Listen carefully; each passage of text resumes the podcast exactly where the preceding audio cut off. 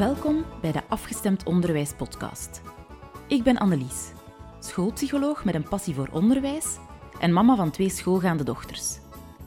In deze podcast ga ik op zoek naar meer afstemming en verbinding in het onderwijs. Met mijn gasten bespreek ik waarom dat zinvol is en hoe we het kunnen waarmaken. In deze aflevering spreek ik met Klaar Hammenekker. Klaar heeft als kinderpsychologe al heel wat jaren op de teller. Ze heeft een eigen praktijk, Weerkracht, en ze is auteur van het boek Wat elk kind nodig heeft. Wat ze daarnaast nog allemaal doet, laat ik haar graag zelf aan jullie vertellen. Dag Klaar, welkom in de podcast. Dag Annelies. Klaar, ik heb jou in de intro kort eventjes voorgesteld. Maar misschien is het voor de luisteraars ook wel fijn om zelf nog eens te vertellen waar dat je allemaal mee bezig bent. Want het is wel heel wat hè, waar dat jij mee bezig bent. Ja, ja ik, ben, ik denk ik ben wel een, eh, een bezige bij, enerzijds. En ik hou ook van afwisseling. Ja. Ik, ehm, ja, ik denk dat dat maakt dat ik mij heel graag ook nieuwe uitdagingen aanvaard en zo. Dus ja, zoals je al zei, mijn, mijn praktijk dat is voor mij een beetje de kern van, van alles wat ik doe. Maar ik probeer ook dat, dat helpen van kinderen heel, heel breed uh, te zien. Ja. Ja, door te schrijven. En al jaren schrijf ik... Uh, ben, ik heb ooit columns geschreven, vraag en antwoord. Uh, voor de Nina heb ik ooit geschreven, van het laatste nieuws, maar evengoed voor psychologie, al, al meer dan tien jaar, denk ik. Um, dus dat doe ik heel vaak zo bijdragen. Ik werk ook heel vaak voor televisie. Ja. Ik denk dat uh, ja, in heel veel uh, programma's waar kinderen deelnemen, loop ik ergens achter de schermen rond om te kijken of die, uh, ja, of die gastjes of dat die, ja, of dat die zich goed voelen. Hè. Dat is eigenlijk een beetje het belangrijkste. Ja, ik zeg dat altijd. In mijn praktijk zie ik kinderen die, in, uh, die het heel erg moeilijk hebben in gewone dagdagelijkse omstandigheden. En in die televisieproducties zie ik kinderen die het doorgaans niet moeilijk hebben maar die in heel complexe omstandigheden worden gebracht. Complex of, of spannend of uh, stresserend. Ja. En ja, dat doet ook iets natuurlijk. Zeker. Hè? Uh, ja. Dus dat is, een, dat is een hele leuke um, switch om te maken en om dan Ja. te kijken, oké, okay, als zo'n zo'n situatie, welke impact heeft die? En ja, dan ook weer al die verschillende types kinderen daarin uh, te, Ja. te leren kennen en, te helpen en te ondersteunen. Dat is heel, heel leuk, um, heel, heel leuk om te doen. Ja. Ja. ja, mooi, want het brengt mij meteen ook bij het onderwijs. Wat dat je nu Mhm. vertelt, zo, hè, van de enerzijds die kinderen die het eh, al moeilijk hebben, en anderzijds die kinderen Mhm. die in uitzonderlijke omstandigheden gebracht worden, maar die het doorgaans niet moeilijk hebben. En in het onderwijs heb je natuurlijk de beide aspecten, denk ik. Omdat je daar kinderen hebt die het van thuis uit of, of om een andere reden al moeilijk hebben. Je hebt daar ook kinderen die het niet moeilijk hebben, maar die dan soms de schoolomgeving wel als iets belemmerends ervaren. Ja, absoluut. Ehm, ja. ja. Maar je hebt ook een bijzondere affiniteit met onderwijs. Hè? Klaar, misschien is het ook fijn, en, en misschien weten nog niet alle luisteraars dat, om daar eens iets Nee, over te vertellen. Ja.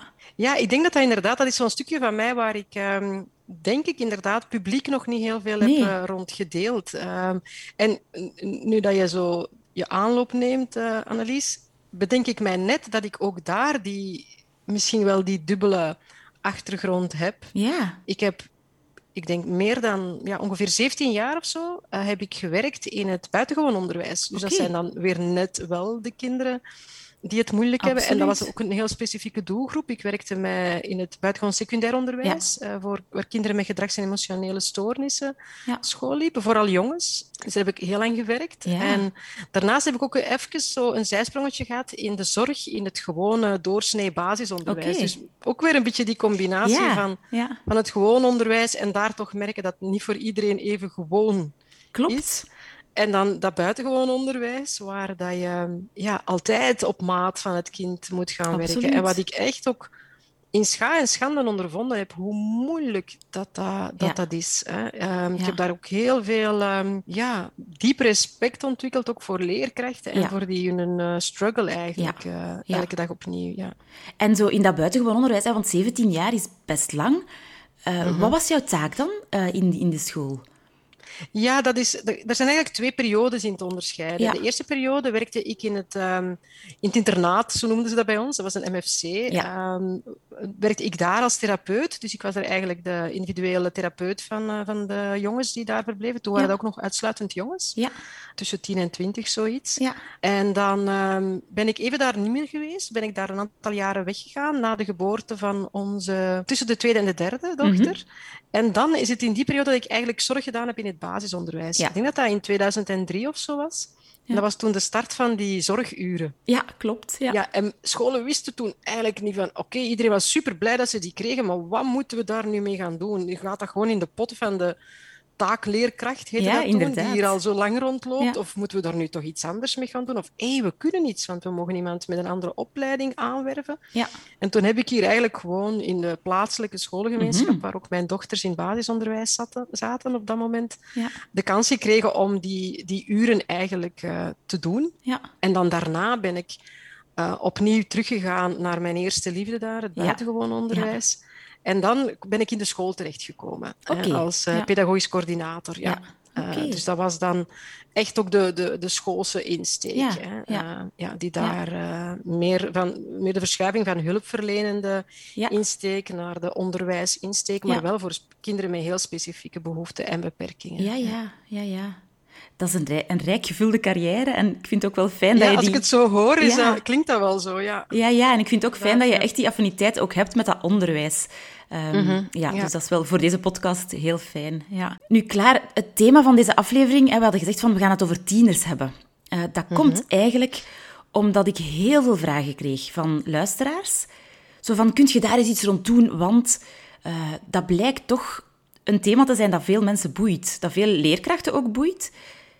En jij hebt daar ook best wel wat expertise in ontwikkeld. Hoe komt het, denk jij, dat dat een thema is waar zoveel mensen interesse in tonen? Die tieners als, als leeftijdsgroep op zich. Ja, wat ik zelf denk, en, en dan spreek ik uit eh, persoonlijke ervaring natuurlijk, been there, done that met mijn eigen dochters, maar ook heel erg met, met inderdaad ook wat ik zie op school en wat ik ook gewoon zie in gezinnen, dat is, er gebeurt iets, iets bijzonders natuurlijk met een tiener. Hè? Ja. Dat ervaart die tiener zelf, dus die is eh, een beetje lost sowieso gedurende een, een, een tijdje in zijn leven. Die weet het eigenlijk ook zelf niet meer, die merkt aan alles dat hij in de war is. Ja. Die toont dat ook aan de buitenkant. Ja. Sowieso. Dus dat, op dat op zich werkt soms een beetje bevreemdend, denk ik, voor volwassenen. Die hebben zoiets van, wat krijgt jij nu? Hoe Ja. doet die nu? Ja. Of, of heel bezorgd. Ja. Van, oei, die is zo veranderd. Ja. En daarnaast, het, de tweede denk ik, de- dus buiten de veranderingen bij, bij de, de tiener zelf, die wij aan de buitenkant opmerken en, en waar we niet goed weten hoe we ons daar tegenover moeten verhouden, Mhm. Zie ik ook het stuk dat tieners die, hebben, die ontdekken, dankzij heel die, die puberteits, Ja. identiteitsontwikkeling, ontdekken zij wat zij zelf belangrijk vinden. Ja. En de meeste van hen, of toch gelukkig, het Mhm. merendeel van hen, brengt dat ook op een of andere manier, omdat dat zo sterk is. Ja. Ik, ik denk ook dat dat met de tijd, ik heb dat ook met de jaren, alsmaar sterker die behoefte zien. Ik heb die behoefte steeds groter zien worden bij tieners om Ja. te laten zien van, ja, maar dat is hoe ik het ervaar Ja. en zie. En dat vinden wij nog moeilijker als volwassenen. Absoluut. Ja. Want die tonen niet alleen van er is met mij van alles aan het gebeuren, maar eigenlijk zeggen die ook, Mhm. stellen die ook vraagtekens bij ons. Ja. Zeggen Ja. die van, oh maar wacht eens, misschien ben ik niet meer helemaal, het niet meer helemaal eens met hoe jij de dingen Ja, ziet. Of die, die worden heel kritisch naar hun leraars Ja. toe. Ja. En, en zo dat, dat klassieke idee, en wat ook nog doorgaans vaak in basisonderwijs nogal geldt, van wat de juf of de meester zegt, Ja. dat doen we. Ja. Dat, hè, dat, daar worden ook tekeningen voor gemaakt en meegenomen. Ja. En, en die worden, ja, daar wordt naar opgekeken. En Ja. ja, een tiener die kijkt voor andere redenen op naar zijn leraar dan een lagere schoolkind. Dus en wij vinden dat verwarrend. Ik denk dat dat de reden is waarom zoveel mensen, ehm, of zoveel ouders van tieners, Ja. want ik merk dat ook bij mijn eigen Ja. webinars die ik geef, Ja. als, als ehm, leraars die, die met tieners eh, aan de slag gaan, Mhm. het zo moeilijk vinden. Dat-. Wij moeten ons daar tegenover herpositioneren. Ja. Ja. En dat kan, dat voelt ook iedereen, dat kan niet meer zoals 15, 20 jaar Nee. geleden. Die tijd is voorbij. Ja, ja. Dat dat op die manier. Dus we kunnen dat niet meer doen zoals we dat zelf gedaan hebben in ons secundair onderwijs. Absoluut. Toen wij leerling waren. We kunnen dat eigenlijk bijna niet meer op dezelfde manier met onze leerlingen Nee. of onze kinderen gaan doen. Ja, ja. Dat voelen we eigenlijk met onze ellebogen, zal ik maar zeggen, Ja. dat dat niet meer klopt. Ja. Ja. Ja, ja, boeiend. Ja, als ik jou dat zo hoor vertellen, hè, Klaar, dat brengt mij bij eh, iets wat ik in jouw boek ook eh, terugvind. Hè. Je hebt een, een boek geschreven wat elk kind nodig heeft. Een van de vijf pijlers daarin, opvoedingspijlers, is ehm, zorgen voor later. En dat we soms de neiging hebben om op zeer korte termijn te gaan interventies doen die vooral op korte termijn resultaten laten zien. En dat we daardoor soms druk zetten op kinderen en jongeren en dus in het onderwijs zeker ook op leerlingen. Maar dat we daarbij misschien de lange termijn visie een beetje uit het oog verliezen. En ik kan me dus voorstellen, als ik jou dat nu hoor vertellen, van wat is er zo speciaal aan die tienerjaren, dat dat misschien voor die leeftijdsgroep nog meer het geval is. Van, oh, we weten even niet wat ons overkomt als leerkrachten en ook als ouders. Dus we gaan teruggrijpen naar iets wat dat we wel kennen. En dat is dat korte termijn denken, want in dat paradigma zijn we eigenlijk allemaal ook grootgebracht. Ja, absoluut. Ik heb daar zelf al heel, heel veel over nagedacht, hè, omdat ik er ook heel veel ehm, rond gezien heb Ja. eh, in scholen, in die periode. Ehm, als, ik, als ik even mag teruggaan, vroeger dan, ik volgde heel veel MDO's. Hè, toen Ja. stond ik nog in het basisonderwijs. Hè, dat is, dat is dan, die zijn dan net iets jonger, maar daar zag ik wel een heel mooi proces, denk ik, dat aansluit bij wat jij nu vertelt. Ja? Ik kwam uit een andere sector. hè. Ik kwam uit, Ja. uit, de, uit de hulpverleningssector, en waar, wij, waar we te traag gaat. Ja. Soms waar dat klopt, op, echt op lang, met lange termijn doelen wordt gewerkt. Waar dat. Soms jongeren, wij, wij wisten, die werden opgenomen bij ons in het centrum. En dat was voor jaren, sommigen zelfs tot hun 18, dat werd zo gezegd. Ja. En dan kwam ik in het onderwijs en dan had ik zo het idee dat elke leerkracht Mhm. zo'n job zeer eh, au serieus nam. Ja. Zo au serieus dat men hoopte dat Ja. men zelf in dat schooljaar het verschil kon maken. Ja, ja, En bij een aantal leerlingen is dat ook zo. ja. Maar bij sommigen helemaal niet. Sommige kinderen, die, die hun ontwikkeling die gaat traag. Mhm. Die, die zetten soms een paar stappen terug, dan versnellen Ja. die weer even. Dus dat zijn per definitie langere termijn processen. Klopt. En ik, probeerde, ik heb dat heel vaak aan leerkrachten proberen zeggen destijds. Van Mhm. kijk, jij bent, jij bent enorm verschil aan het maken. Ja. Alleen ga jij pas jouw verschil Ja, dat jij maakt kunnen zien op het moment dat die kerel hier misschien in het zesde leerjaar vertrekt. Ja. Of misschien zelfs op zijn 18 nog eens komt vertellen ja, waar die uiteindelijk beland is. Dan kunnen we eigenlijk pas echt gaan meten wat, wat het effect is geweest Ja. van jouw bijdrage in dit ene schooljaar. ja, ja. We, we kunnen dat nu misschien niet zien, maar we, we, we bouwen, we metselen, we zaaien, Ja, we, we knippen, we, we enten, we, gelijk als met een bonsaiboom eigenlijk, ja.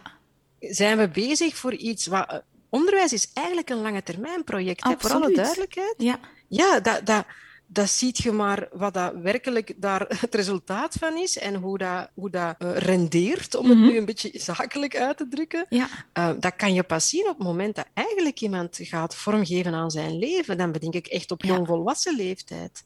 Ja, ja. Ja, mooi. En want- ik denk, dat dat, ik denk dat dat een beetje, als je kijkt naar zorgen voor later, Ja, eh, dat dat zou kunnen wringen bij leerkrachten. En dat is, ik vind dat zo mooi. Ik vind dat zo mooi dat ze graag elke dag opnieuw Ja. willen dat verschil Ja. zien en daar ook voor gaan. En ik begrijp ook dat dat heel ehm, frustrerend is als je bij bepaalde leerlingen zo echt merkt dat je ondanks al je inspanningen toch maar bijna, ja, baby steps zelfs niet, onzichtbaar, eh, misschien zelfs eerder de indruk hebt dat het stilstaat of achteruit gaat. ja, ja. Maar misschien als we dat op, die, op een lange curve zouden zien, is dat, is dat maar is dat een noodzakelijk diepje geweest misschien. Hè? Is, dat, Ja. is dat zelfs een heel waardevolle periode geweest, waar Ja. die misschien als die achteraf op terugkijkt, het meest van geleerd heeft. Ja. Maar dat weet je niet op het moment Nee. zelf. En dat is denk ik een van de moeilijke mo- de dingen. Dus ik, ja, ik, dat is ook de reden. Onderwijs wordt veel te weinig als een teamwork gezien. Ja. Dus het, het is toch nog altijd ieder in zijn eigen klas. Vaak wel, hè. En dat maakt je ook wat eenzaam, denk ik. Ja. Dat, het lijkt ook alsof je er dan ook wat alleen voor staat. Ik heb ook het gevoel dat men ook zo naar u kijkt van kom aan, laat zien wat je met mijn kind kunt Ja. bekomen en, en realiseren. Terwijl als we uitzoomen, Mhm. denk ik dat we... Eigenlijk zijn we allemaal schakels, ook als ouder trouwens, in een langer traject. Ja. En het is niet minder dan dat. Zeker dat is, wij zijn gigantisch waardevol en Ja. onze bijdrage is wezenlijk en noodzakelijk, Ja, maar ook niet meer dan dat. klopt. Hè? Ja. Ja, en zo die, dat, dat relativeren daarvan vind ik zowel naar ouders toe als zeker ook naar leerkrachten Ja. heel belangrijk. Want ik, Ja. ja, ik herken dat ook. hè. Ja, ja. Ehm, ik heb dat gezien ook destijds. Ja. Ik dacht ook, wat gebeurt er hier nu? Waarom, waarom zijn die leerkrachten zo in paniek of dwingend of, of wanhopig of teleurgesteld? Ja, ja. So, still a long way to go, denk ik dan. hè. Ja, klopt helemaal. Het, het doet mij denken aan een podcast die ik onlangs beluisterd heb. Ehm, en daar, daar was een ehm, schooldirecteur in aan het woord, een Nederlandse schooldirecteur, die al 40 jaar lang in een school in, in eh, Rotterdam werkte. En die eigenlijk aangaf van onderwijs wordt echt boeiend als je heel lang daarin kan meedraaien als personeelslid. Want, zegt hij, wat gebeurt er nu? Ik heb kinderen en kleinkinderen van mijn eerste leerlingen die nu Ja. terugkomen. En dan Ja. zie ik wat er met die leerlingen gebeurd is. En dan zie ik van, oh, die leerling waar ik het zo moeilijk mee had in die klas, kijk eens waar die op dit moment staat in, in zijn of haar leven. Ja. Maar dat maakt wel dat je er lang moet kunnen in zijn om dat effect ook te zien. En ik denk soms dat het, dat het systeem ook maakt dat dat niet altijd lukt. Het zijn vaak eh, korte opdrachten, korte vervangingen, zeker aan het begin van een loopbaan, absoluut. die dat ja. ook wat, wat tegen, tegenwerken misschien zo. Dat, Ja. dat, dat, dat lange termijn doel. Ja. Ja. Ja, en waar ik, wat ik ook zelf heb gemerkt, dat is van ik, ehm, die, dat, dat geloof voor uzelf als, ehm, als leerkracht of als hulpverlener of als ouder, hè, is dat heel, heel waardevol. Dat geloof van, oh, dat is zo'n cliché, maar dat is zo waardevol. Het komt goed. Uiteindelijk komt het goed. Ja. En met dat vertrouwen voor uzelf, ja. dat vertrouwen in uw eigen opvoeding, dat vertrouwen in uw eigen onderwijs dus ook, dat in, Ja. vertrouwen in wat jij in de klas doet, dat, dat, dat dat zijn vruchten gaat afleveren, opleveren, dat dat gaat renderen, dat dat gaat vormen en bijdragen aan de ontwikkeling van dat kind, op welke manier dan ook, maakt niet uit. ja. Dat vertrouwen voor jezelf uitspreken, maar ook naar dat kind toe, Ja. dat, dat, is echt, dat maakt echt een verschil. Ja. Ik ben altijd iemand geweest die, die niet zo selectief was als, als ehm, jongeren, uit, eh, zowel uit mijn praktijk als, als uit eh, de scholen waar ik werkte, Mhm. als die een vriendschapsverzoek stuurden via Facebook of social media. Ik, was eigenlijk, ik, ik ging daar nogal op in. Ik weet Mhm. wat ik zelf post en, en hoe... Ik, ik ben daar heel authentiek in en ik denk dat ik niet anders ben in mijn posts dan ik in het werkelijke leven ben. ja. En ik merkte ook, dat is zo fijn om nu, sommige van die, die kerels zijn, zijn ondertussen Ja. 30, die hebben kinderen, om te kijken hoe die aan hun leven vormgeven en om, om als eerste van hen ehm, nieuwjaarswensen ja. eh, te ontvangen, om, om, om in moeilijke tijden van hen ook een, eh, een troostend bericht te ontvangen onder een post. Dan weet je dat je en het verschil gemaakt hebt, ja, zeker. en, en je ziet ook welke balans zij ondertussen zelf wat Ja. gevonden hebben. Dat Ja. zal misschien nog steeds met vallen en opstaan zijn, Ja. maar ja, dat is mijn leven ook. Dus Voilà. ja, ja. ja, vind ik dat... Allee, dat, dat doet mij deugd gewoon. Alleen al daarom is het zo fijn om die mensen te blijven volgen. Ja, ja. Om dan te zien van, hé, hey, amai, wat doet die nu? Of, oh, die hebben een kindje. Of, Ja, ja. ah, die hebben een huisje gekocht, geweldig. Ja, zo. ja, ja, dat is waar. Dat, Dat is zijn waar. van die hele basic dingen, maar dat, ja, dat geeft je een fijn gevoel ook. En ja, dat vertrouwen is voor mij daarin heel belangrijk. Ja. In je eigen werk, in je eigen opvoeding, in wat je aan het doen bent, daar Ja. helemaal achter staan. En dan straalt je dat ook uit naar die kinderen. En dan weten die ook, misschien nu niet, misschien zijn we vandaag niet mekaars beste vrienden, Ja, maar eh, we will stand. Allee, we, Yes, ja. komen er samen door en, en dat komt hier goed. Ja. Ja, en waar dat mij ook brengt, als ik jou dat hoor vertellen, is dan zo de vraag van waar kan ik dan wel vooral op inzetten als leerkracht? Ja, dat is dan die relatie, hè? Dat verbinden Ja, met die kinderen, hè? Absoluut. Dat is nummer één, Ja. by far, sowieso. Ja. Voor mij is dat heel duidelijk. Hè? Onderwijs is geen kwestie van kunnen. Mhm. Ik geloof dat niet. Onderwijs is een kwestie van aankunnen. Ja. En je moet het als kind aankunnen om, om, dat, om dat aanbod, Mhm.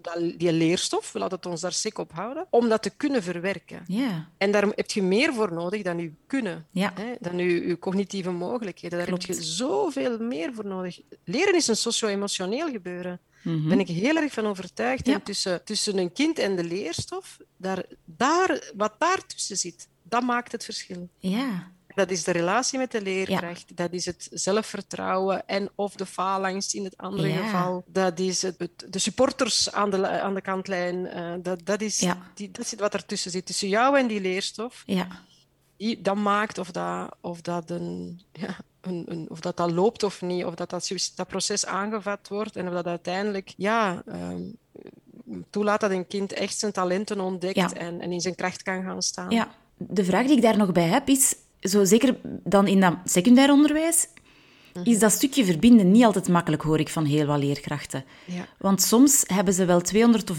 tot 300 leerlingen waar ze les aan geven. Soms maar één, twee uurtjes per week, voor, voor sommige vakken dan. En dus ik heb al, al een aantal keer die vraag gekregen, eh, via Instagram bijvoorbeeld, van hoe doe ik dat toch als ik, als ik die klasse maar één of twee uur zie en, en in- ja, ik ben eigenlijk al bijna drie, vier maanden bezig met die namen te onthouden van die Ja. 200 leerlingen die ik heb. Ik weet niet of jij Ja, daar tips ik, hebt. ja. Ja. Ja, ik denk dat, allee, dat is een heel terechte vraag. Hè. Ja. In mijn boek schrijf ik van, er is geen shortcut naar verbinding. Hè. Schrijf ik ergens in mijn boek. Nee. En, en dat is ook zo. Ja. Dat is, ehm, verbinden, dat, dat vraagt tijd en bokus, hè, zegt Ja. mijn vader dan. En, en die heb je niet altijd als je er zoveel, telkens maar één Ja. uurtje in de week hebt. Dus ik, ik denk dat in die gevallen je het minder in die individuele relatie Ja. moet gaan ehm, zoeken, tenzij bij leerlingen waar het recht uitspringt, hier voor jou uitspringen, omdat je aanvoelt van oei, Ja. die heeft dit iets meer nodig. Maar dat, je, dat we altijd moet beginnen van een, een bepaalde soort van basishouding of zo. Oké. Ik denk dat dat al helpt als je eigenlijk de klas binnengaat Mhm. en ehm, met de houding van dat je bereid bent om te ontvangen. Ja. Je gaat daar binnen sowieso om te geven hè, aan leerlingen, Ja. namelijk kwaliteitsvol onderwijs, zinvolle instructies, hè, tips op maat. Daar, daar gaat het mee binnen, dat is om te geven. Maar dat Ja. je ook bereid bent om te ontvangen. Ja. En een heel ontvankelijke ou- houding, denk ik, dat daarin belangrijk is om Ja. hun, hun emoties te ontvangen, hun Mhm. hormonen te ontvangen, hun slechte dagen te ontvangen, Ja. hun eh, kritische opmerkingen, die Ja. niet altijd eh, zo mooi gekozen woorden hebben, hè, Ja. te ontvangen. Om die te ontvangen met een mildheid, Mhm. zonder jou persoonlijk aangesproken te voelen. Ja. Ik denk dat dat eigenlijk, dat dat als je zoveel leerlingen hebt die, Mhm. eh, aan wie je een relatieaanbod wil doen, dan Ja. denk ik dat exact dat het meest waardevolle relatieaanbod is. Namelijk van eentje die uitstraalt, ik ben bereid om te ontvangen. Ik Ja. kan ontvangen, liefdevol ontvangen. hè. Ja. Ja. Niet over mij heen laten lopen, niet Nee. jullie lelijke bak over mij laten uitgieten elke les opnieuw. Nee, nee. Liefdevol ontvangen. Hè? Met heel veel respect en begrip voor elkaar. Dat we gaan geven als leerkracht, dat staat als een paal boven water. Leerkrachten hebben veel te geven en willen zeer graag heel veel geven. Ja. Maar ontvangen eh, willen ze ook hoor, maar ik denk dat daar niet veel de klemtoon wordt Nee. opgelegd, ook niet in hun opleiding, dat dat, een, ehm, dat, dat heel belangrijk Ja. is. Dus dat- Zeker bij tieners. Ja. Veel meer dan bij jongere kinderen. Ja. Absoluut. dat, dat maakt ook dat ik als leerkracht bereid ben om mij te laten raken. Hè? Om het leren als iets wederkerig te zien. Ik kan ook leren van zo'n groep tieners. Ja. Die kunnen mij iets brengen. Ja. Ja. Dat is, dat is, als, als, je, als je durft ontvangen, Mhm. dan krijg je hele mooie cadeautjes. Yes. Ja. Ik krijg hier echt in mijn praktijk soms cadeautjes, geschenkjes van mijn figuurlijke, hè? Ja, tuurlijk. Ja, Eh, ja, heel persoonlijke, ja, ook soms brengen ze iets mee, hè, maar, Ja. maar, maar heel, eh, hun, hun, hun grootste kwetsbaarheid die ze hier brengen, hun, eh, Ja. Hun verwarring dat Ja. ze tonen, Ja. geheimen eh, Ja. soms, hè, die ze met niemand anders delen. Mhm. Ehm, Ja. en dat zijn voor mij geschenkjes. Of toch hier durven in de nabijheid van hun ouders iets vertellen. Ehm. Omdat ik zeg, ik, ik ontvang alles van jou. Ik ben daar om te ontvangen en ik ga mee ervoor zorgen dat uw ouders kunnen ontvangen wat jij gaat zeggen. Hè? Ja. Ehm, een beetje gelijkaardig en Ja. ik denk dat dat voor leerkrachten heel, heel, heel belangrijk is. Absoluut. Ja. Ik vind het ook een mooie, mooie quote om mee te nemen. Zo. Ik denk dat ik er misschien nog een post zal over maken ehm, van de ontvangen. Zo. Want dat is inderdaad een hele mooie. Ja, dankjewel. Zeker als je, als je, als je geen tijd eh, hebt om... Dat is het secundair tegenover het lager onderwijs. Hè? Ja. Ja, ja. Uh, en, en ik zie ook wel scholen waar men, hè, ik weet dat um, een van jouw andere podcasts ging over, over de MET in, in Leuven. Hè. Mijn dochter zit op een, een, gelijkaardige school waar door de reorganisatie of de, of de, de keuzes die zij maken, organisatorisch, voor het inzetten van hun personeel, zorgen ervoor dat alle leerkrachten, ook diegenen die maar een zogezegd een één uursvak geven, toch altijd heel veel contact hebben met, met heel veel leerlingen. Ja, haalt, zorgt ervoor dat, dat die verbinding, dat die niet moeten shortcutten. Die kunnen echt iets opbouwen, die kunnen intensief elkaar besnuffelen en ontdekken, ja, leerkracht en leerling. Maar in, heel, in het, meeste klassieke georganiseerde vormen is dat nog heel erg, ja, dat systeem waarbij dat je zoveel uurtjes in een klas komt en, en volgende week nog eens. Hè. Ja, en dan mag er geen verlofdag tussen vallen, of geen ziekte, of geen uitstap. of alles schuift weer zoveel weken op. Hè? Absoluut, ja. Nu, een andere opvoedingsbasic die jij in je boek aanhaalt, is dat opvoeden maatwerk is. Mhm. Volgens mij is onderwijs eigenlijk ook maatwerk. Hè? Want onderwijs, onderwijs maakt deel uit van het opvoedingsproject van mhm. kinderen en van jongeren. Nu, dat is ook een moeilijke, dat onderwijs maatwerk is. Zeker in het systeem zoals het nu georganiseerd is in de meeste scholen. Mhm. Want de, de verschillen zijn ontzettend groot tussen kinderen en jongeren. En ik denk zeker in die tienerjaren. Als ik al maar denk aan het verschil tussen bijvoorbeeld jongens en meisjes op 13, 14 jaar. Ja. Hoe kijk jij daarnaar? Dat, dat, klopt, dat klopt. Hè. En, en ik weet ook dat dat afschrikt. Hè. Opvoeden is maatwerk. Ouders worden daar minder door afgeschrokken, ja. um, omdat dat klinkt heel evident. Ja. En als leerkracht, als je hoort, onderwijs is maatwerk, dan ik, ja, ik kan me voorstellen dat, je, dat, sommigen echt de daver op het lijf krijgen van, allee, help, hoe moet ik dat gaan doen? Want ik heb er zoveel. Is dat dan allemaal individueel? Ik had vorige week nog een overleg over een, een, een, kindje dat bij mij in de praktijk komt en die, ja, die, de, conclusie van die directeur is van, ja, dat is dan bijna individueel onderwijs. Mhm. hè? Met, de, met maatregelen die we hadden voorgesteld en afgesproken. En ik dacht toen van, ja, mhm. dat klopt. Maar dat is niet voor heel uw klas. Hè? Nee. En dat is met maatwerk ook het geval. Hè? Ik denk als je zegt van inderdaad, hey, alleen al het verschil tussen meisjes en jongens, dat is waar. Maar ik denk wel dat je als leerkracht, dat uw klas, dat is maatwerk, maar dat is wel in groepjes. Dat is, ik kan echt misschien echt een kort door de bocht vergelijking maken, mhm. maar kledingmaat 12 jaar is een 152. Hè? Ja. Je gaat niet elke 12-jarige in een 152 krijgen. Nee. Maar wel, maar wel heel veel. Ja. anders hadden ze die maat nooit bedacht. Ja. Maar er zijn erbij die langere, fijnere benen hebben. Daar moeten dan gaan zoeken van ja, waar kan ik mijn, mijn perfecte broek voor mijn kind vinden? Of je hebt er die wat korter en wat breder zijn. Ja. dus er gaat een hele hoop 12-jarigen gaan geen 152 kunnen kopen, maar niet allemaal. De meerderheid wel nog. Ja. En dus dat wil zeggen dat uw maatwerk betekent dat je, mhm. dat je toch nog voor een grote groep een vrij gelijkaardig aanbod kan doen. Ja. Maar dat dat, voor, dat dat wisselende groepen zijn. Mhm. Want als je dan, om even mijn kledingvergelijking verder te zetten, als je dan gaat kijken naar bovenkleding, ja. zijn er weer anderen die onder 152 passen en weer anderen niet. Hè? Dus ik wil maar zeggen, dat is eigenlijk, en dat vraagt flexibiliteit, hè? dat denk ik zeker en vast. En, en ik, ja, ik heb soms te doen ook met, met de flexibiliteit die leerkrachten allee, verondersteld worden om aan de dag te leggen. Dat is heel groot. Hè? Dus ik, allee, ik wil absoluut niet, niet minimaliseren. Ik heb het ook genoeg gezien, hè, wat, het, wat het vraagt. Maar dat is wel denk ik een helpende gedachte hè, voor je eigen onzekerheid of de de druk die je jezelf oplegt als leerkracht een beetje te gaan doseren. Dat is dat maatwerk met twintig leerlingen in bedrijf betekent dat twintig verschillende trajecten zijn. Klopt, ja. Want dat kan zijn dat je merkt dat, dat die zijn nogal gelijkaardig daar. Ja. Ja. Plus, soms kan je ook niet op maat werken. Ja hoe, je, hoe hard je ook wil, maar alleen al erkennen en aan een leerling toestappen en kunnen zeggen van kijk, ik weet dat voor dit onderdeeltje van Frans of van wiskunde bijvoorbeeld, dat dat echt voor u een hele, hele, hele moeilijke is. Echt een lastige. En ik, ik help je zo goed als ik kan. Hè. En, maar misschien gaan we, gaan we, gaan we dat, gaat dat heel moeilijk zijn om daar echt uw, doelen volledig op te bereiken. Maar kijk, weet je, als dat achter de rug is, dan komen er nog drie andere thema's. En daar ben jij, dat weet ik. Hè, daar heb jij wel meer aanleg en, en voor en meer affiniteit mee. Dus mm even nog een harde noot, maar we laten dit wel achter ons. Hè. Dan, dus je hoeft dat niet allemaal te fixen. Nee. Nee. Hè, dat is thuis ook zo. Hè? Je kan niet altijd perfecte mal vinden waar je kind in past. Maar gewoon erkennen van... Ik weet of dat jij hier met iets anders nog veel beter zou zijn. Ja. Maar we hebben dat nu niet. Hè? Ja, ja, ja, We absoluut. gaan ja, voor, het, voor het allerbeste alternatief. Ja, ja, Ook uw beperkingen daar kunnen in herkennen. Hè? Ja. Leerkrachten zijn...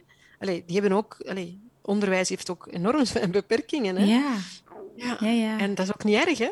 Ja, klopt. Dat doet mij wat denken, klaar aan nog een, een, een van de basics in jouw boek. Eh, zelfvertrouwen geven door het zelf te laten doen. Ik hoor jou zeggen van, hè, we moeten niet alles in hun plaats doen. Hè. We moeten ook hen een toolkit leren ontwikkelen om met die problemen om te gaan, om probleemoplossende vaardigheden te gaan ontwikkelen. Dat lijkt mij ook soms een valkuil, omdat soms in onderwijs, en ik herken dat bij mezelf zeker ook, en ook als mama, dat we soms denken, maar ik weet wat goed voor jou is. Ja, ja, ja, d- dat klopt, absoluut. Eh, Ja.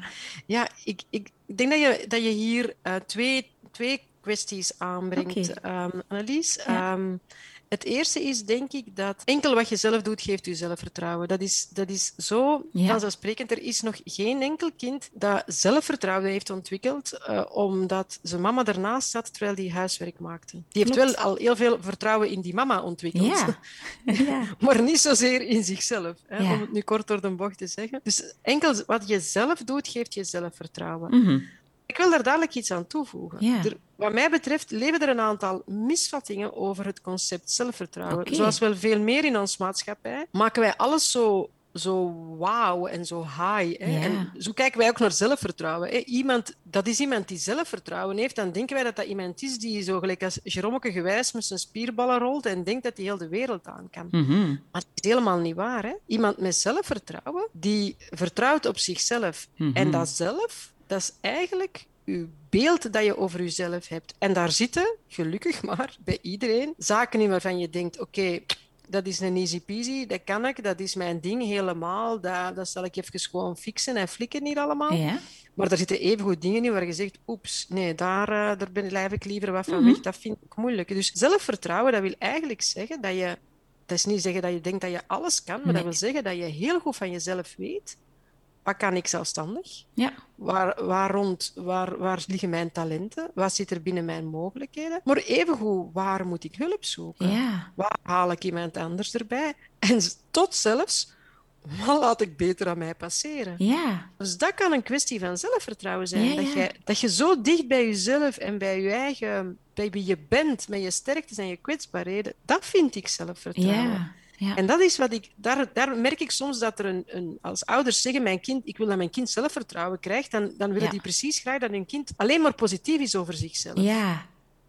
Maar dat is geen, dat is geen zelfvertrouwen. Nee, hè? Dat is een of ander onrealistisch eh, ja, ideaalbeeld of zo. Ja. Allee, Ja. ik, zelfvertrouwen is voor mij per definitie gelinkt aan, aan eh, realisme. Yes. Eh, dus dat is denk ik al een hele, hele belangrijke. Ja. Dat, dat leerlingen in uw klas, dat dat heel belangrijk is, dat zij ontdekken waar, waar, waar inderdaad dat heel ehm, gemengd profiel aan mogelijkheden, aan Ja. sterktes, aan beperkingen, aan ja, wat, wat, wat beter zal lukken, wat minder zal lukken, zonder dat daar een oordeel op zit. Ja.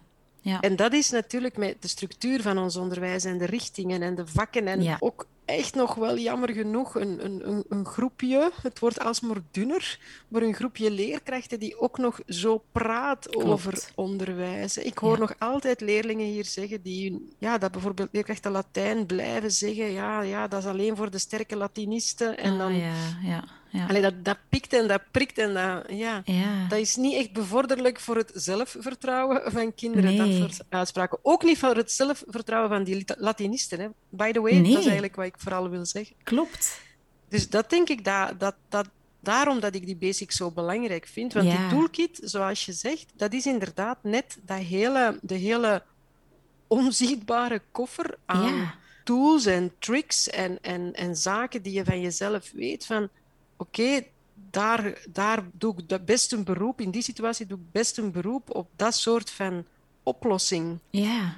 voor mezelf. Dat heeft geen zin dat ik daar blijf achter mijn bureau, s'avonds twee, drie dagen na elkaar Nee. vinden dat ik zelf die oplossing op die ene wiskundeoefening toch er moet uit mijn brein geperst krijgen. Ja. Dat heeft geen zin, ik moet dat niet doen, dat is meetkunde. En meetkunde, echt waar, ik zie het niet, ik zie het Mhm. nu niet, ik zie het morgen niet en ik ga het nooit niet zien. Dus Ja.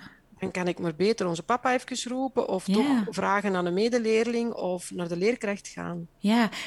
Ik denk Dat, dat... Die dingen zitten, moeten in de toolkit zitten. Hè? Klopt, ik, wa- ik was net aan het denken, zo het, het idee van hulpvragen ligt soms ook nog zo moeilijk in onze maatschappij. Terwijl dat volgens mij een van de vaardigheden is die we zeker moeten meegeven aan kinderen en jongeren. Van hulpvragen is oké, hulpvragen mag en hulpvragen is een sterkte. Ja, absoluut. Ja, absoluut. En, maar ik merk ook dat dat soms voor leerkrachten heel erg moeilijk is Mhm. om, om die momenten waarop leerlingen hulp vragen, om die te ontvangen. Ja, Ja, ja. want ja, dat is ook, ik, ik hoor heel vaak de andere kant. Hè. Ik heb Ja. heel vaak leerlingen, heel veel tieners die het ook eh, niet zo makkelijk hebben op school en die Mhm. dan zeggen van ja, hè, en dan, dan zeg ik, steek ik mijn arm op en dan zegt hij, zeg ik meneer, wil je dat nog eens uitleggen? En dan zegt hij, zeg, als je het nu nog niet begrepen Ja. hebt, hè, ja, allez, laat ons ervan uitgaan. En zolang, Annelies, het tegendeel niet bewezen is, blijft dat voor mij een uitgangspunt, een premisse. Mhm, Elke leerling wil graag tonen wat die kan. Klopt. Ik ben nog, mij heeft nog niemand kunnen van het tegendeel Nee. bewijzen. Ik heb al heel veel kinderen hier in de voorbije twintig jaar zien passeren. Ik heb nog niemand gehad die dat niet belangrijk vindt. Ja, klopt. Ik heb er wel gehad die bij wie boosheid in de weg zit om dat te doen. Of faalangst in de weg zit om te doen. Die vanuit faalangst zeggen, oh, pff, voort, dat is niet belangrijk. Hè, maar dat is Ja. niet waar. Hè.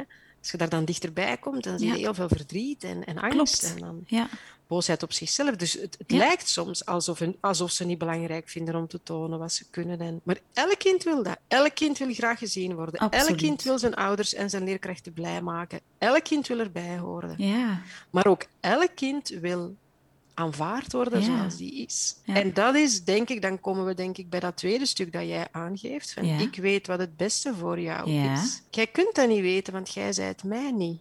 Klopt, helemaal. Ja. Ik ben mij. Ja. En- Dat is exact wat tieners ontdekken. Ik ben mij. ja. En jij niet. Hè? Jij zei mij niet. Ja. Jij bent ook jong geweest. Jij bent ook dochter van. Jij bent ook mama van. Jij bent misschien ook juf. Dus jij weet heel, heel veel. Mhm.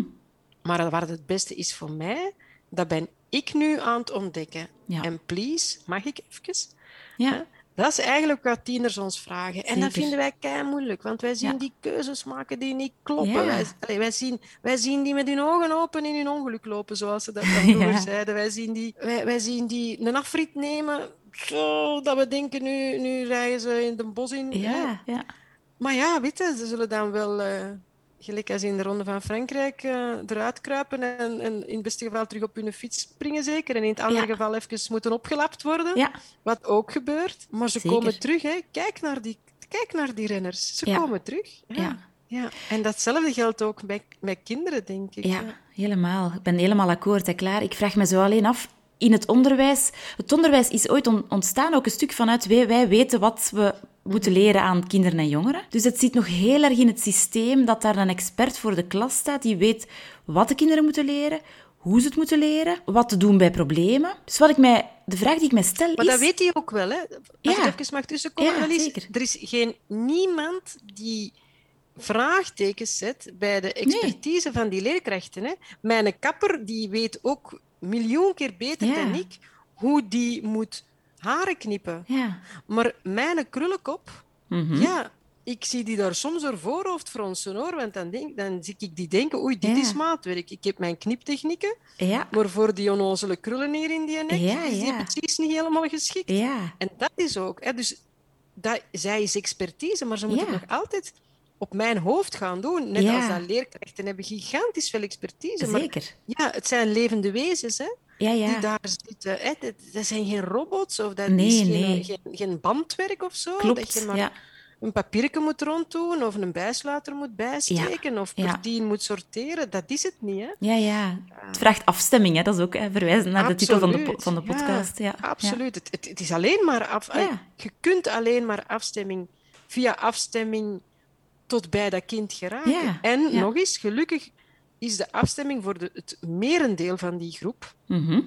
vrij vlot. Ja. Is die tuning niet zo moeilijk. Nee.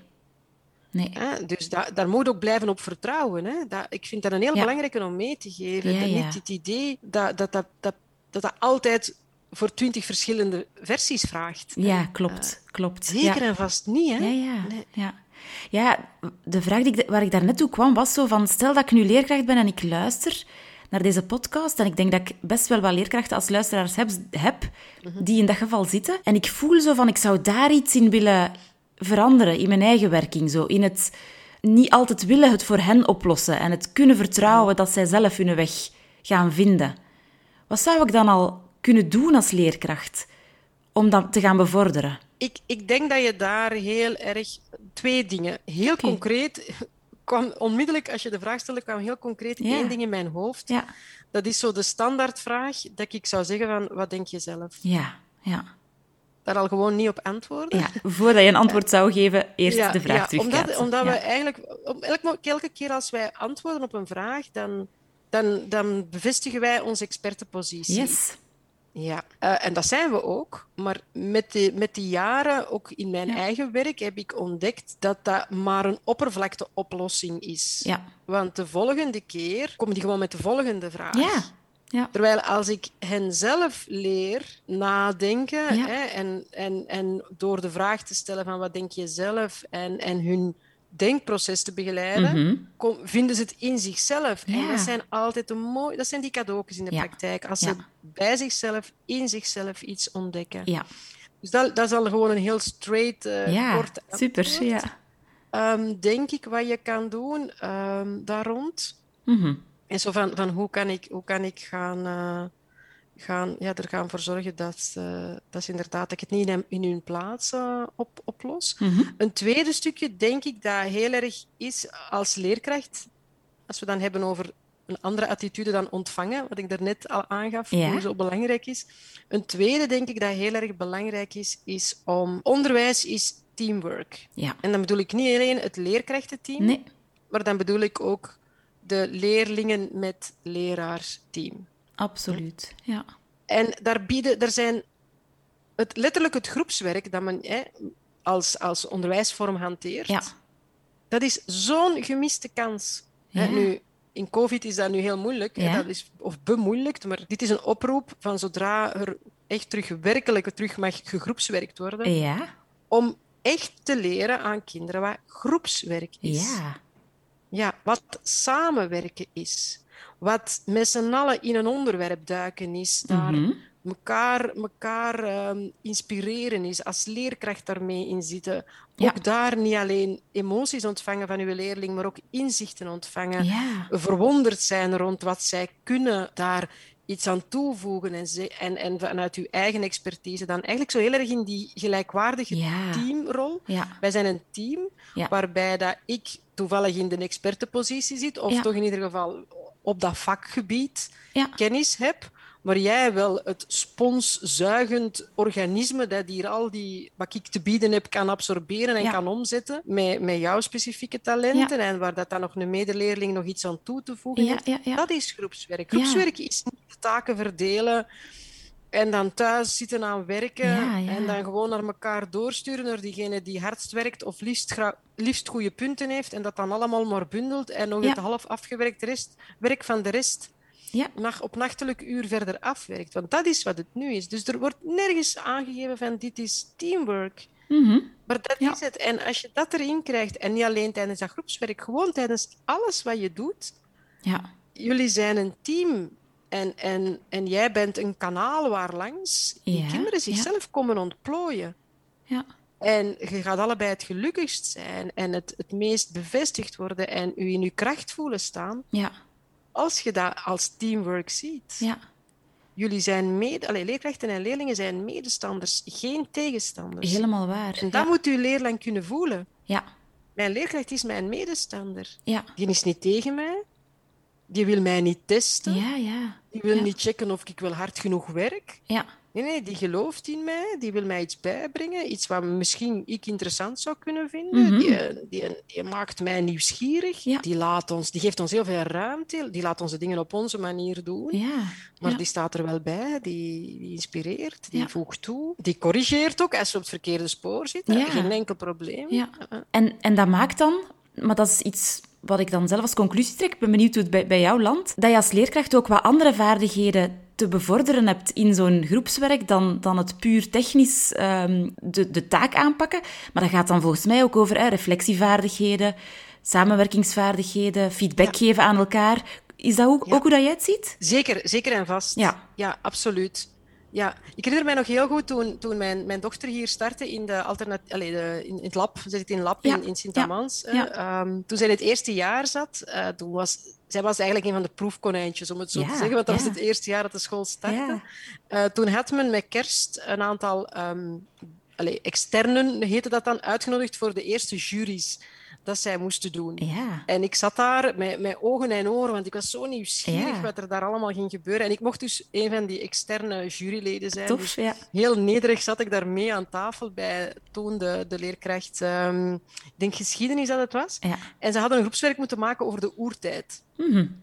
En ik vond dat de manier waarop die leerkracht, eh, dus ze brachten dan hun groepswerk hè, voor ons als jury, Ja. hoe zij nadien, of hoe zij benoemde hoe dat proces gegaan Ja. was. Ja. Zij zei niet, het is goed of het is niet goed. Zij zei van, ik wil met jullie even terugkomen hoe dat jullie tot dit Ja. vandaag hier gekomen zijn. En bij sommigen was dat, maar een beetje, ging dat met aken en ogen en neer. En ik weet nog dat zij toen zei van, ja, ik, ik, ik zit daar nog altijd een beetje mee, met hoe dat, dat bij jullie gelopen is. En ik heb dat ook tijdens dat jullie bezig waren. En Mhm. weet je nog die moment waarop dat, dat, die, dat we even samengezeten hebben, omdat ik echt merkte dat het niet ging. En dan... eh, en dat toen die jongens zeiden van ja, ja, we hebben toen eigenlijk meer YouTube gekeken dan Mhm. echt meegewerkt. En Mhm. dat hadden we eigenlijk niet mogen doen. En, en, Ja. en dat die meisjes zeiden van ja, het is wel jammer dat je dat dan nu pas door hebt. Want allee, wij vonden dat wel niet fijn. En zie, uiteindelijk als je kijkt naar de rest en naar ons werk, was dat toch niet zo. Dus Ja. ik zag daar hoe dat een leerkracht initieerde een onpracht. Dat waren 12, 13-jarige Ja, kinderen. en ik viel omver dat die op die manier dankzij de verbindende, observerende, eh, feedbackende vaardigheden Mhm. van die leerkracht, Ja. Zo groeiden eigenlijk. Ja, ja. Ik, ik, had mij, ik had jaren vergaderingen gehad, ehm, wekelijks eh, teamvergaderingen in, Ja. in de school en in, de, in het, het internaat waar ik werkte, die, waar nergelijk dat, nooit dat soort van feedbackcultuur mogelijk was geweest. ja. Hè? Ja. En die gastjes die deden dat gewoon. Waarom? Omdat die vanaf dag één zo benaderd waren geweest. Dat was voor hen evident. Dat je zo met elkaar leerde Mhm. praten. Prachtig. Ja. Ja, Absoluut. echt zo, zo mooi. Hè? Je hoeft het ook niet zo ver te zoeken. Ja. Je moet het gewoon doen vanuit je hart. Ja. Ja, Ja, dat is, dat is een mo- mooie tip, denk ik. Ja. En dat brengt mij bij wat in jouw boek de laatste opvoedingsbasic is. En dat is, de beste ouders maken zichzelf op termijn eigenlijk overbodig. En dat geldt eigenlijk ook voor leerkrachten. Hè? Eh, en dat hoor ik in dit, in dit stukje ook zo van... Door hen die, die overkoepelende vaardigheden mee te geven om, om het leven eigenlijk aan te kunnen, gaan ze jou op een bepaald moment overstijgen, hè, die leerlingen. Ja, ja. Ja. En, en dan, dan wordt het genieten. Hè? Want Ja. toen ik die basic de eerste keer zo losliet op de mensheid, dat was nog, ehm, dat klinkt al heel lang geleden nu, dat was nog voor corona, toen Ja. ik nog mocht eh, live eh, zo van die vormingsavonden voor ouders organiseren. En toen ik die daar de eerste keer losliet, toen was mijn boek nog niet verschenen. Zo dat gemommel in de zaal, wat zegt u nu, dat wij overbodig en, Oh. oh. en doen we er al niet meer toe. Dus ik voelde, oei, oei, oei, een gevoelige snaar. Maar overbodig, ik heb dat bewust gekozen, hè? dat is een Tuurlijk. beetje een scherp woord, Ja. maar dat is een cadeau, hè. Ja. Dat betekent dat je, dat je de vruchten plukt van wat je, wat je gedaan hebt. Dat Ja. wil zeggen dat je... Je mag dus vertrouwen op jezelf als leerkracht. Hè? Ja. Want dat betekent dat je, daar, dat je daar wel fantastisch knap werk geleverd Ja. hebt. Hè? Ja. Het moment waarop dat die na een kwart instructie kunnen hun hand opsteken en zeggen mag ik eigenlijk al anders al beginnen, want ik denk dat ik, het al, dat ik, dat ik al bezig ben en Ja. Ik zou graag al verder doen. Dat is, dat is niet u afwijzen, hè? dat is niet storen, dat is niet... Nee. Hè? Ik denk dat, wij, dat ik al zou kunnen beginnen. dan, dan dat is dat is een cadeau dat je krijgt. Dat, Ja. is, dat is eigenlijk, zeggen die dan van, jij hebt mij zodanig leren luisteren naar instructies, jij hebt mij zodanig veel basisvaardigheden Ja. meegegeven, dat ik niet veel instructie meer nodig heb. En Ja. dat ik dus klaar ben om in het hoger onderwijs, zonder al die instructie, Ja, zeker nu, die hebben alleen maar online Ja. dingen die ze gewoon moeten volgen, ja, zonder ruimte om voortdurend vragen te stellen, ja, zonder tussentijdse toetsjes elke week over dat lesonderdeel, mag vertrouwen op mezelf en mijn manier, mijn vaardigheden om leerstof te verwerken. Dat is toch fantastisch? absoluut. Als leerlingen doorheen dat secundair onderwijs alsmaar minder instructie nodig hebben, alsmaar zelfstandiger kunnen werken, Ja. alsmaar minder toetsingsmanieren nodig hebben, of toch minder klassieke toetsingsmomenten. Laat staan die onverwachte toetsen om te testen of dat je gisteravond wel je les herhaald hebt. Ja, Dan denk ik, waar gaat dat over? Dat is toch niet de kwestie? Dat is toch niet het punt? nee, Dat hoef je toch niet te laten zien? hè? nee. Dus ja, dat is het overbodig worden. Dat, Ja, je, klopt. dat je weet van, ik kan die lossen met alle vertrouwen. Net als Ja. dat je, ja, je blijft heel je leven leraar, maar je geeft niet heel je leven les Nee. aan, die, aan die leerlingen. Klopt, ja. Ja, Ehm, maar je blijft wel hun leraar. Ja. Ik, weet, ik, kan nog zo, ik kan ze nog zo noemen, de leraars die mij geïnspireerd hebben. Dat zijn nog steeds mijn leraars. ja, voilà, ja. Voor levenslessen dan. Hè? Die hebben mij zoveel meegegeven. Ja, ja, Maar die geven geen les meer aan mij. Like als als ouder, ja, je blijft heel je leven ouder, maar je voedt niet heel je leven op. Hè? Op een bepaald moment vertrouwt je op je kinderen en vertrouwt je op je eigen opvoeding. Ja. prachtig, want eigenlijk is de cirkel rond, besef ik nu, nu dat ik je dit hoor zeggen. Mhm. Want eigenlijk zijn we begonnen zo met, hè, welke invloed kan ik hebben als leerkracht? En als ik maar Mhm. één jaar die kinderen heb, zo... Ja, hier is, hier is die invloed, hè. Ik erop vertrouwen dat ik als leerkracht toch een bijdrage lever, Mhm. door wat ik doe, door hoe ik mij opstel naar kinderen, naar jongeren toe, eh, een bijdrage lever aan waar zij dan zoveel jaar later gaan staan Absoluut. in het leven, hè. Ja, Ja, mooi. zeker en vast. Ja. Ja. Mooi. En dat is hoopvol. Hè? Ik, ik- Ja, mensen die mij volgen of al volgen, die, die zullen merken dat ik iets heb met hoop. Hè? Dat komt wel vaak terug Ja. in mijn, in mijn eh, stories of, Ja, of in ja. de quotes of de dingen die ik schrijf. Soms is dat het enige dat je hebt. Als heel veel dingen weggevallen zijn op de donkerste momenten, dan is dat het enige dat je hebt. Dat is hoop ja, voor mij. En dan, ja, ik vind dat heel wat belangrijk. En ik wil, dat is geen negatieve manier, dat is juist een heel positief, want dat Ja. heb je altijd. ja, Ja, en, en dat, is, dat, ik, dat maakt voor mij ook in heel veel dingen dat ik doe gewoon ook makkelijker om daar vandaag, als Ja. het moeilijk is, in te blijven staan. Ja, dat is die een hoop. Hè? ja, Ja. heel mooi. We zijn stilaan aan het einde van de podcast gekomen. En ik eindig eigenlijk altijd met een vraag, met dezelfde vraag aan al mijn gasten te stellen. ja, ik ben benieuwd. Ja. Ehm, en mijn vraag is, als er één ding is klaar wat dat jij aan ons onderwijs zou mogen toewensen, of zou willen toewensen, wat zou dat dan zijn? Er zijn veel dingen. Het is heel erg moeilijk kiezen. Hè? Maar ik denk dat dat dan echt misschien wel iets is. Want het gaat echt over onderwijs. Hè. Ik denk dat dat echt dat, dat teamwork is dat ik daar Ja, straks beschreven ja, heb. Omdat ja, daar voor mij zoveel in zit. Absoluut. Omdat teamwork veronderstelt vertrouwen, Ja, maar ook elk zijn eigen rol. ja, Weet je, een, een, een verdediger die loopt niet met een bal tot aan de goal omdat je denkt, ja, ik zal het maar zelf doen, want anders Mhm. raakt dat daar nooit niet in. Die, die, die geeft passen, die vertrouwt op de middenvelders en die op Ja, hun beurt ja. op de spits. En die gaat scoren. En dus in een team is dat ook. Vertrouwen, maar tegelijkertijd met zeer veel respect voor ieders eigen rol en positie. Zo. En ik denk dat dat dat heel, heel fijn zou zijn, moest, moesten we dat kunnen omarmen binnen Absoluut. onderwijs. Dat zou Ja. veel ehm, ja, stress en onderlinge spanning en zo op Ja. verschillende niveaus. ja, ja. Tussen leerkrachten onderling, tussen leerlingen en leerkrachten, tussen directies en, en leerkrachten zou dat kunnen wegnemen, denk ik, als we echt, als we heel vaardig zouden kunnen hebben. Ja, teamwork, dat wil ik en eigenlijk Yes. toewensen. Ja. Heel mooi. Super. Klaar, waar kunnen mensen jou vinden? Mensen kunnen mij vinden op mijn websites. Het zijn er twee. Ja. Eh, eentje is die van mijn praktijk. is, eh, mijn praktijk heet Weerkracht. Ja, En dus de website is ook www.weerkracht.be. ja, Mijn opvoedings trajectproject Ja? eh, als afgeleide van mijn praktijkwerk. Dat heb ik management eh, Ja. genoemd. En dat is, ja, daar vind je ook heel veel. eh, www.management.be over Ja. mijn boek. Maar ook over heel veel webinars dat ik geef. podcasts waar ik in ben te gast geweest en dergelijke. Ja. En dan onder mijn persoonlijke naam, Klaar Hammenekker, kan je mij ook volgen op Instagram en op Facebook. Ja. Eh, waar ik eh, toch wel meermaals per week ook echt wel probeer mijn quotes te inspireren. En ook met praktijkverhalen. Ja. Vind ik heel fijn om zelf te kunnen doen. Om, Ja. om af en toe mensen eens te laten binnenloeren in hoe het bij mij in de praktijk gaat. En daar, van daaruit wat herkenbaarheid mee te geven. En Hmm, soms prikt dat, maar dat zijn wel verhalen, denk ik, die ook wel ouders kunnen herkennen. zeker, ja. Vanuit de positie van hun kind. Ja. Zeker, ja.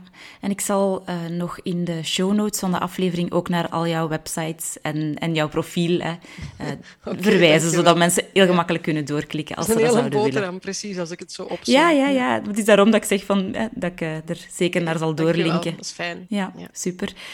Klaar, ik vond het zelf een ongelooflijk boeiend gesprek. Ik merk dat we misschien wat ruimer zijn gegaan dan die tieners alleen, maar ik ben daar eigenlijk alleen maar blij om. Want volgens mij zitten er in het verhaal heel wat aanknopingspunten voor, voor die tieners en evenzeer voor jongere kinderen. En voor leerkrachten zelf. Dus Ja. dat vind ik zo fijn. Ja, ja. Ja. Ja, ik denk dat we, dat we zeker de vertaalslag naar, naar onderwijs hebben gemaakt. Absoluut, En wel wat ja. ingezoomd ook van wat betekent als je in het secundair staat. Ja.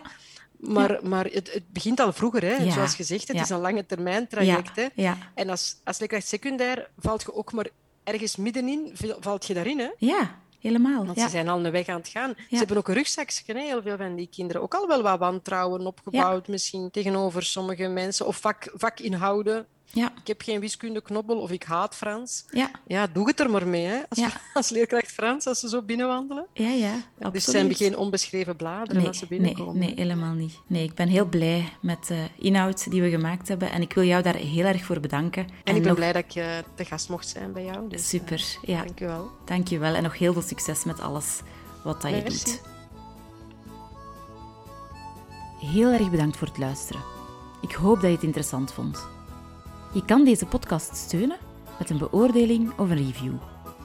Het zou ook fijn zijn als je de aflevering deelt op sociale media. Je mag me altijd taggen met afgestemd onderwijs. Heb je collega's, vrienden, kennissen of familie voor wie deze podcast van betekenis kan zijn? Laat het hen weten. Stuur me gerust een mailtje als je interesse hebt in een training verbindende communicatie of afgestemd onderwijs voor jouw school of centrum. Of laat me weten wat je van de podcast vindt. Mijn mailadres is annelies.afgestemdonderwijs.be. Tot de volgende keer!